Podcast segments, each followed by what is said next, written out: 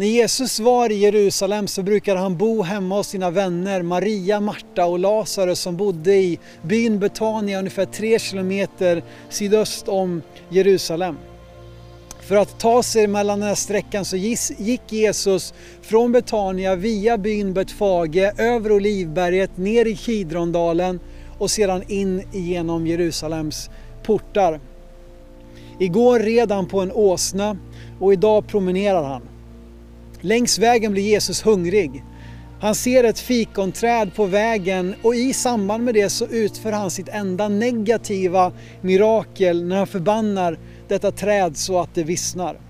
Vi läser från Markus kapitel 11 från vers 12 till 25 och jag kommer stanna till vid verserna 12 till 14. När de dagen därpå gick från Betania blev han hungrig. På långt håll såg han ett fikonträd som hade gröna blad och han gick dit för att se om han skulle finna något på det. Men när han kom fram till trädet fann han, att, fann han inget annat än blad, för fikonens tid var inte inne. Jesus sa till trädet, aldrig mer ska någon äta frukt från dig. Hans lärjungar hörde det. Det är en ologisk händelse. Jesus hittar inga fikon på trädet för det var inte fikonens tid, så vad har han egentligen att klaga på? Grejen är den att under våren när det här utspelar sig så skulle det finnas kart på trädet som sen skulle mogna för skörd senare under hösten. Men när Jesus kommer fram så hittar han ingenting annat än löv. Alltså det fanns inte ens kart. Så Jesus vet att inte heller i höst kommer det finnas någon, någon frukt eller någon skörd att skörda. Kanske utspelar detta sig just i Betfage där de går förbi som betyder just platsen med de små fikonen. Och I Markus evangelium så låter han den här händelsen i det att Jesus förbannar fikonträdet till dess att de ser att det också har vissnat omringa när Jesus går till tempelplatsen för att driva ut handlarna. Han går vidare in i Jerusalem upp på tempelplatsen för att även där söka efter tecken på liv. Men det enda han finner är handlare, ett rövarnäste som Jesus beskriver det. Det leder till att Jesus rensar tempelplatsen, välter växlarnas bord och driver ut handlarna därifrån. Kanske har det här bidragit till att en del kristna är skeptiska till försäljning i kyrkan men eh, det här handlar inte om eh, ett bokbord eller en julmarknad utan vad som pågick här var att man utnyttjade människor som kom till templet för att tillbe genom att roffa åt sig och, och eh, ta deras pengar helt enkelt.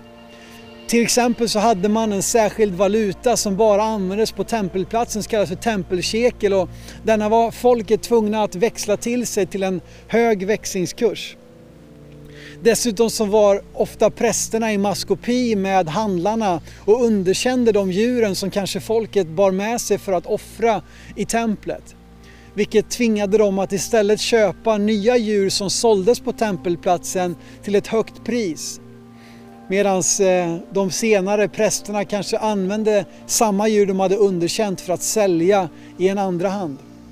Vad de alltså gjorde var att de utnyttjade folks uppriktiga längtan att tillbe Gud och det hade blivit ett rövarnäste. Det som Jesus sa, det här skulle vara ett bönens hus och istället har det blivit en plats för, för att utnyttja människor. Fikonträdet som de återvände till senare under dagen eller möjligtvis nästa dag när de går förbi där så har det till lärjungarnas stora häpnad eh, vissnat hela vägen till roten. Fikonträdet finns med också i Bibelns första berättelse. När Adam och Eva har ätit av kunskapens träd så tar de löv ifrån ett fikonträd för att skyla sin nakenhet som helt plötsligt har blivit uppenbar för dem.